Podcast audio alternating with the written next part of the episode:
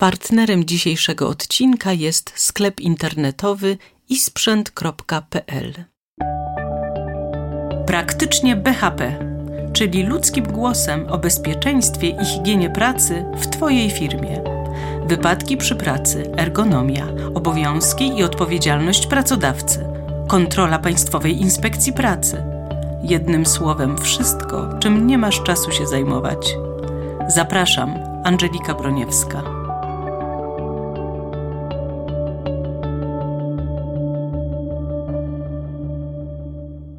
Dzień dobry Państwu. Tematem dzisiejszego podcastu są ręczne prace transportowe. Ale proszę Państwa, proszę o pozostanie z nami do końca, gdyż dzisiaj przygotowałam dla Państwa niespodziankę i wytrwałość zostanie na koniec nagrodzona.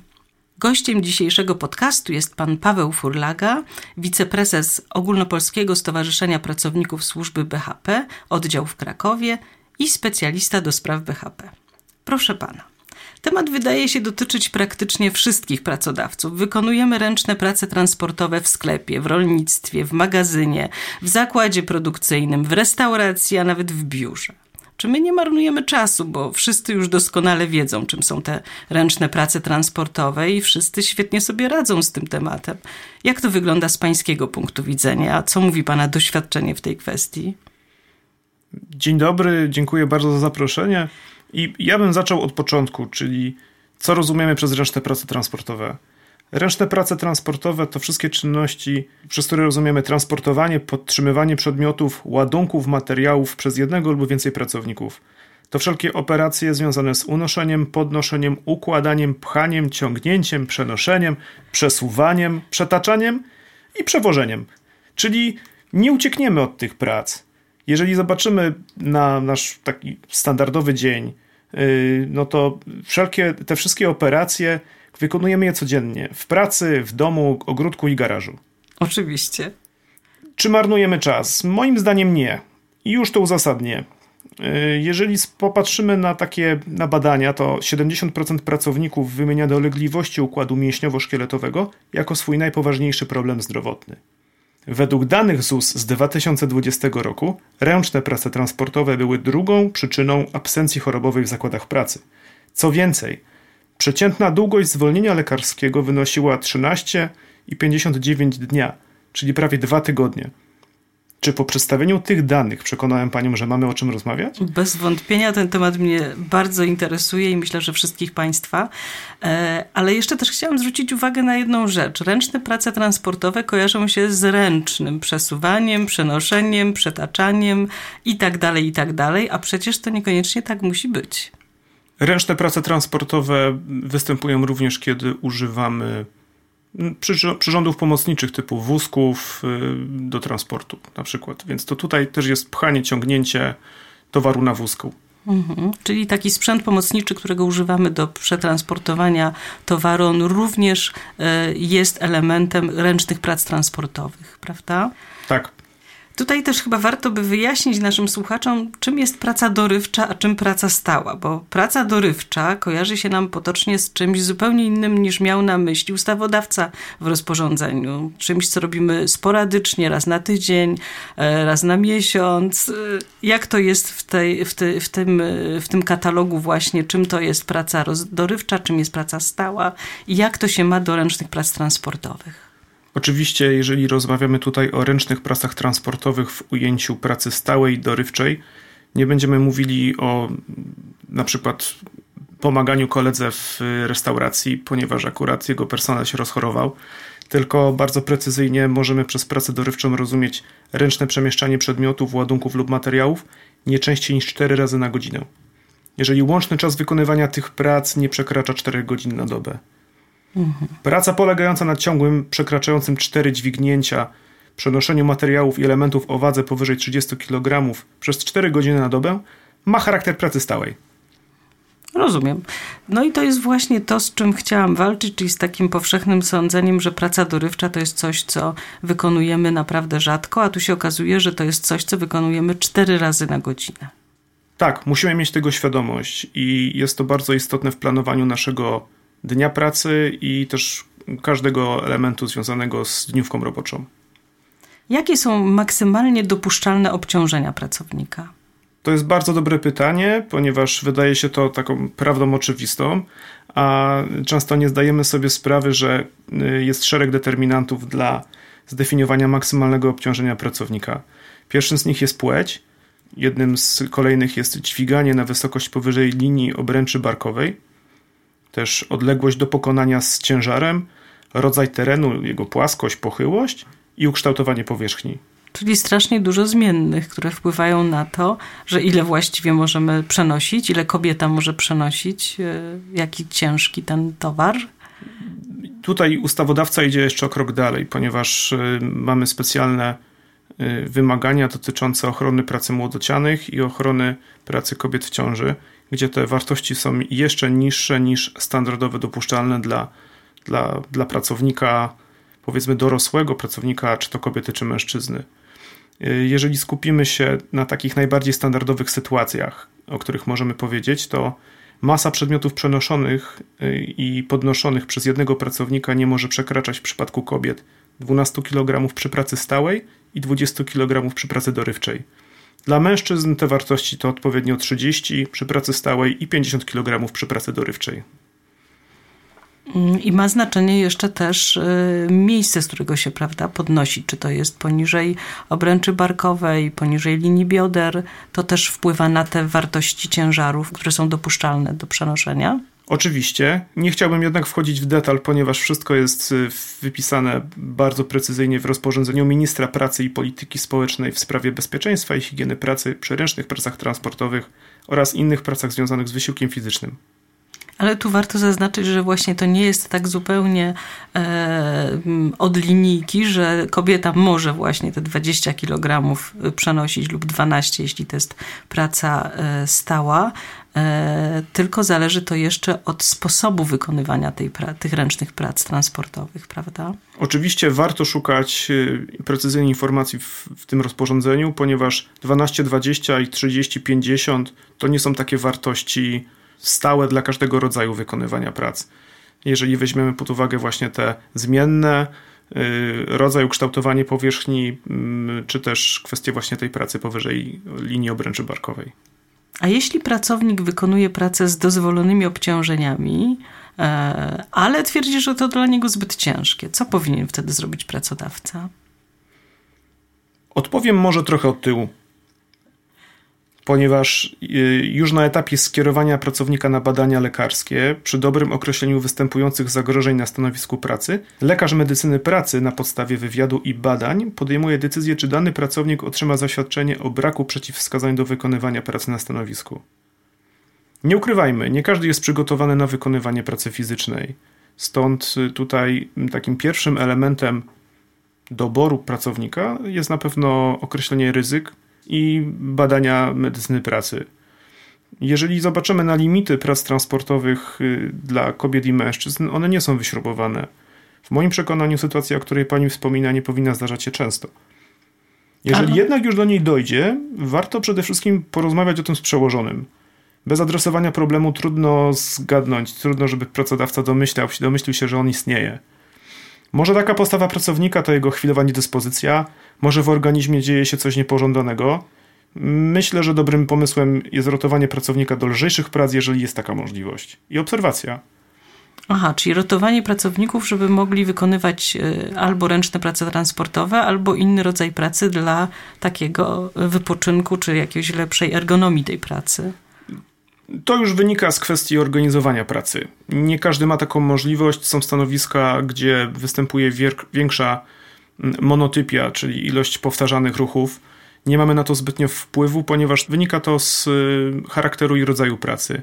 Natomiast jeżeli jest taka możliwość, to y, dobrą praktyką jest rotowanie pracowników na stanowiskach, na przykład przechodzenie z, na inne działy mm, w jakimś rytmie, rutynie miesięcznym, y, kwartalnym z jednej strony jest to y, na pewno rotowanie stanowiska pracy, czyli wykonywanie innych działań, nawet w obrębie ręcznych prac transportowych, ale również y, kwestia poprawy produktywności pracy w zakładu, ponieważ taki ratowany pracownik jest oswojony z większą ilością różnego rodzaju działów, w których musi pracować. W przypadku potrzeby nagłego przeniesienia takiego pracownika do innego działu, ponieważ, no nie wiem, ktoś się rozchorował albo większa grupa pracowników wypadła z grafiku, ponieważ ma szkolenie czy, czy inne podobne tego typu rzeczy.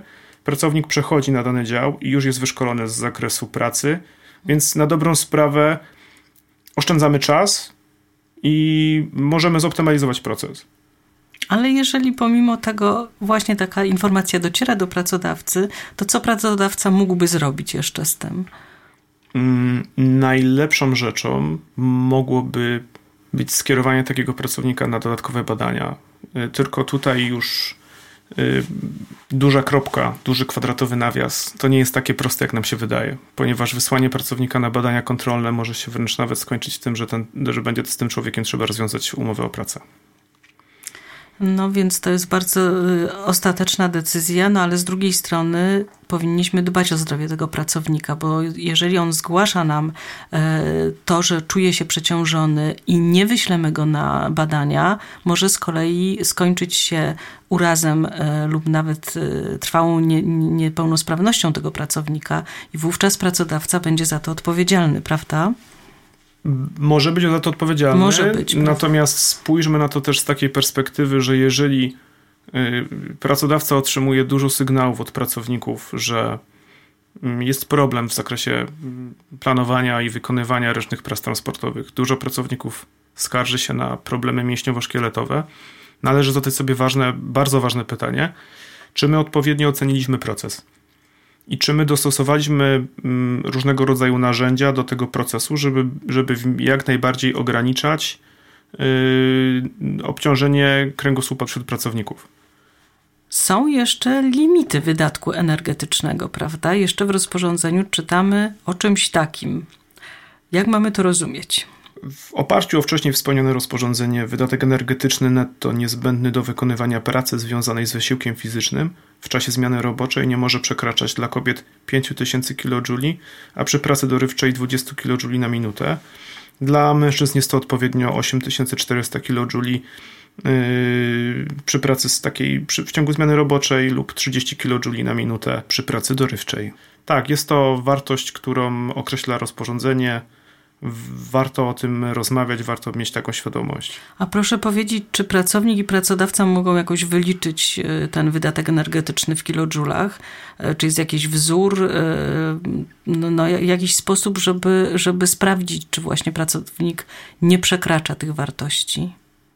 Ocenę obciążenia związanego z ręcznym przemieszczaniem ciężarów należy przeprowadzić z zastosowaniem wybranej metody oceny ryzyka zawodowego. Czyli tak, mamy takie narzędzia, które pozwalają na określenie wydatku energetycznego i czy pracownik y, go nie przekracza i też w jakiej, w jakiej, w jakiej pracy w ogóle on pracuje, tak? czy lekkiej, średniej, czy ciężkiej.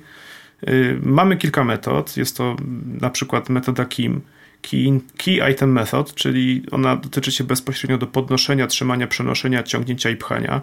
Metoda OWAS, obciążenie statyczne, bada ona położenie poszczególnych części ciała, przydatna naprawdę przy pracy biurowej. Y, metoda OKRA, OCRA związana z, przed, z powtarzanymi ruchami w obrębie kończyn górnych bez uwzględnienia barków, czyli taka praca taka bardzo monotypowa. Lub metoda chrono, chronometrażowo-tobalaryczna według Lemana, chyba najpopularniejsza z nich. I czy któraś z nich nadaje się do takiego swobodnego stosowania, czy łatwego stosowania przez pracodawcę, Pana zdaniem? Każda metoda jest dobra do swobodnego zastosowania, jeżeli mamy odpowiednią ilość wiedzy, jak ją zastosować. Na pewno y, pierwsze wyliczenia będą trudne, ponieważ trzeba zwrócić uwagę na to, y, dobrze się przygotować do tej oceny.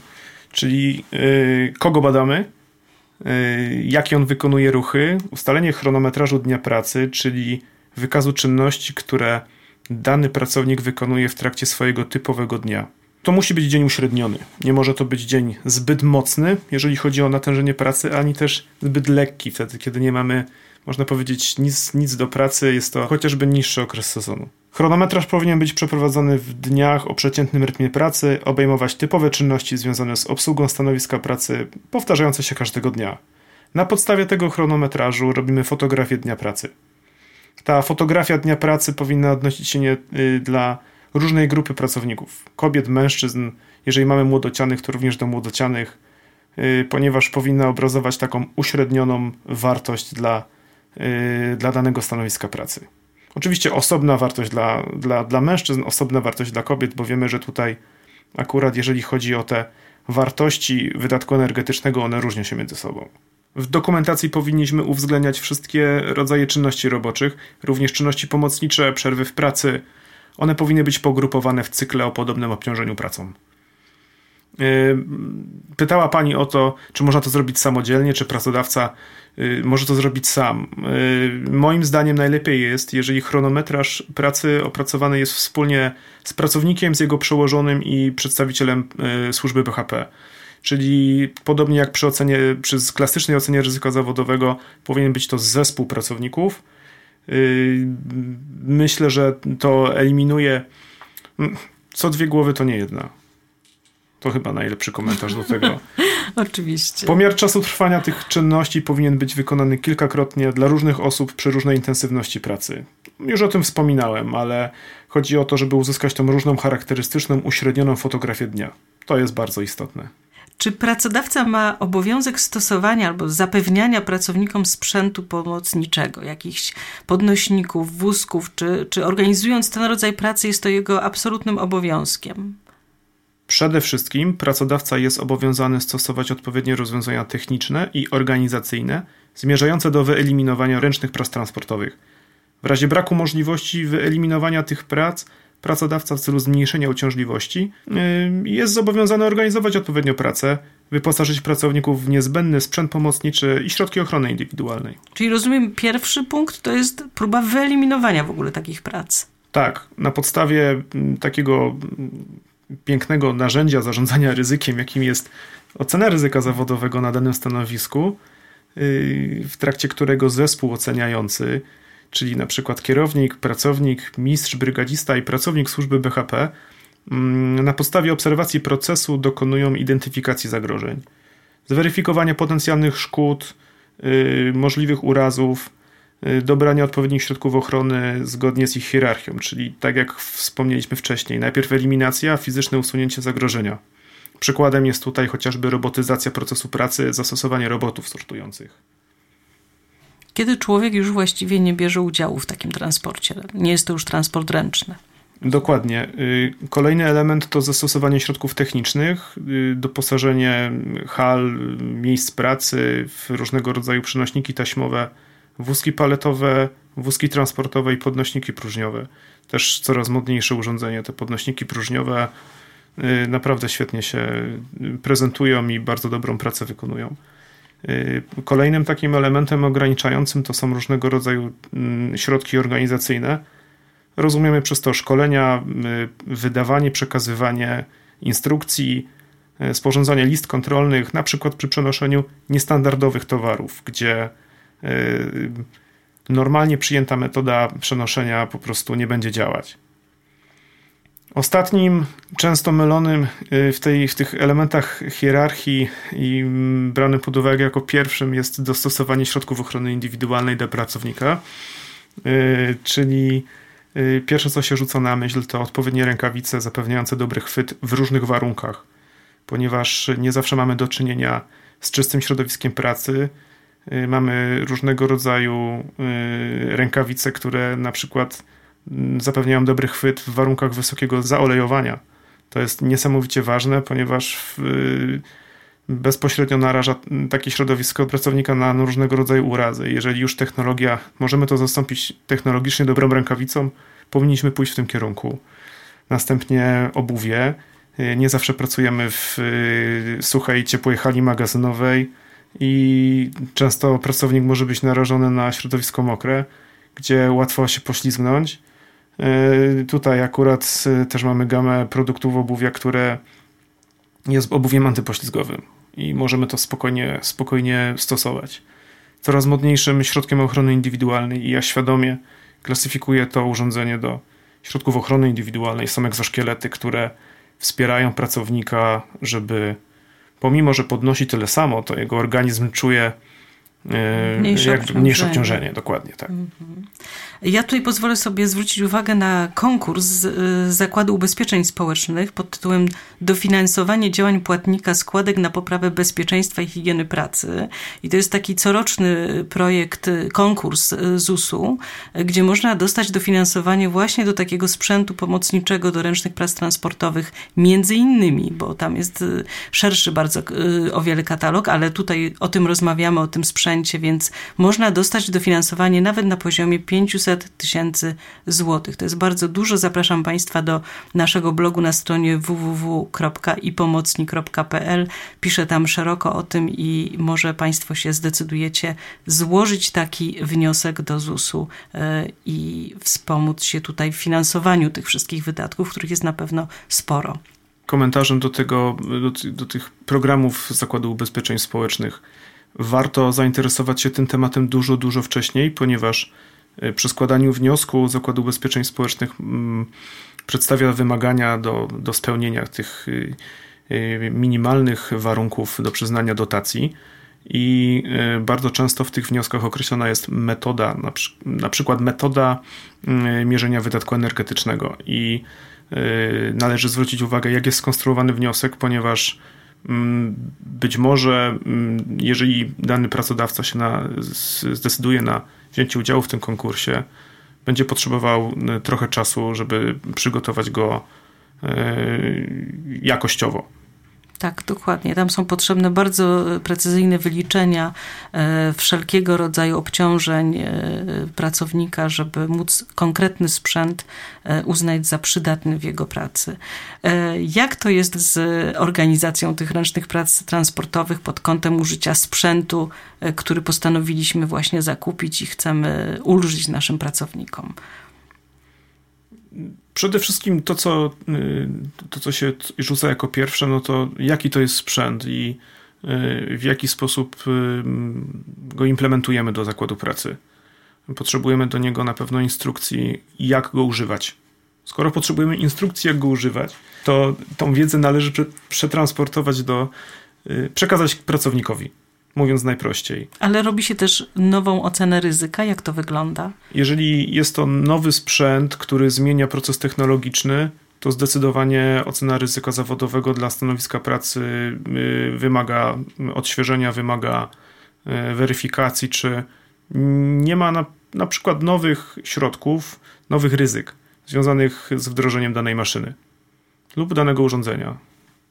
A kiedy pracownik powinien zwrócić szczególną uwagę na ręczne prace transportowe i w jakim przy, przypadku może powinien zdecydowanie unikać ich wykonywania na przykład? Postaram się odpowiedzieć tak bardzo uniwersalnie, ponieważ każdy z nas, będąc lub nie będąc pracownikiem, yy, powinien, myślę, trzymać się takich trzech prostych kroków przy wykonywaniu ręcznych prac transportowych. Yy, to, to, te trzy kroki to oceń, zaplanuj i podnieś. Y, oceń, y, zobacz co transportujesz, jaka jest waga przynoszonego ładunku, gdzie jest środek ciężkości danego przedmiotu, jaka jest jego struktura, czy, czy, czy, pewnie, czy pewnie chwycisz dany towar. Zaplanuj, jaki dystans masz do pokonania, czy otoczenie jest sprzyjające. Y, pomyślmy tutaj o tym, że transportujemy jakiś duży gabarytowo towar i mamy przed sobą wąski korytarz. Czy my się w nim zmieścimy, yy, czy ten korytarz nie jest za wąski, tak? Czyli to planowanie, planowanie trasy. Czy potrzebujemy pomocy i czy jest ona dostępna? Czy mamy pomoc w postaci wózków, suwnic, innego rodzaju urządzeń, które wspierają nas przy transportowaniu yy, towaru? I czy mamy odpowiednią ilość miejsca, żeby wykonać podnoszenie w sposób ergonomiczny? Przechodzimy teraz do tego elementu podnieść, czyli Zastanówmy się, jak stawiamy stopy, czy skręcamy tułów, czy przenosimy ładunek ponad linią obręczy barkowej, czy podnosimy ładunek zachowując prosty kręgosłup. To jest szalenie ważne, żeby unikać kocich grzbietów tak zwanych. Y, przy podnoszeniu zbiorowym to też jest istotne, czyli czy przy podnoszeniu zbiorowym nasz partner jest podobnych, podobnego wzrostu, czy ustaliliśmy określony sposób komunikacji między nami to może wpłynąć na sukces całej operacji ręcznego przenoszenia ręcznych prac transportowych. Rozumiem, czyli najważniejsza tak naprawdę jest e, precyzja w planowaniu tego i ocena e, tej, tego konkretnego przedmiotu, który jest do przetransportowania, i wówczas wszystko powinno się udać. Uważam, że zawsze powinniśmy mm, zrobić tak zwaną dynamiczną ocenę ryzyka. Czyli przed podjęciem danej czynności zastanowić się, czy wiemy, co robimy, wiemy, gdzie idziemy i e, wiemy, jak to zrobimy. Myślę, że to jest bardzo zdroworozsądkowe, a jednocześnie bardzo często uchroni nas e, przed e, potencjalnymi zdarzeniami urazowymi. Dziękuję bardzo za rozmowę. Nie pozostaje mi nic innego, jak pożegnać już naszego gościa, pana Pawła Furlagę. Dziękuję bardzo. Do Dziękuję bardzo. Na koniec obiecana niespodzianka. Wyobraźmy sobie pracę na nierównej, niestabilnej powierzchni, dodatkowo śliskiej i mokrej, gdzie pracownik pracuje skręcając tułów przy nagle ruszającym się ładunku, który dodatkowo jest mokry, a temperatura i wilgotność powietrza pozostawiają wiele do życzenia. Kogo Państwo sobie wyobrazili? Zapraszam do wysyłania swoich odpowiedzi na adres biuro małpa i pomocnik.pl. Wśród osób, które wskażą pracę, przy których te wszystkie niedogodności, jakie wymieniłam, występują, zostaną rozlosowane nagrody. Czekamy na Państwa odpowiedzi do 30 czerwca 2022 roku. Jeśli macie jeszcze jakieś pytania związane z tym tematem, zapraszam do naszego bloga na stronie www.ipomocnik.pl. Piszemy o ręcznych pracach transportowych. Mam nadzieję, że znajdziecie tam Państwo te informacje, których mogło zabraknąć w dzisiejszym podcaście, gdyż wbrew pozorom, jak Państwo widzicie, jest to temat niezwykle obszerny. Pozdrawiam i do usłyszenia. Partnerem dzisiejszego odcinka jest sklep internetowy isprzęt.pl. Ty też możesz zostać partnerem podcastu. Może jest temat, który Cię interesuje Borykasz się z problemami w zakresie BHP i nie możesz znaleźć nigdzie odpowiedzi, jak sobie z nimi poradzić? Spróbujemy Ci pomóc. Napisz do nas na adres biuro Jeśli podoba Ci się to, co robimy, wesprzyj nasze działania. Jesteśmy na patronite.pl ukośnik fundacja i pomocni.pl. Każda wpłata jest jak głos za Potrzebujemy tego jak wody i powietrza. To dodaje nam sił. Pozdrawiam i do usłyszenia. Podcasty stanowią część kampanii Bezpieczeństwo czy szaleństwo.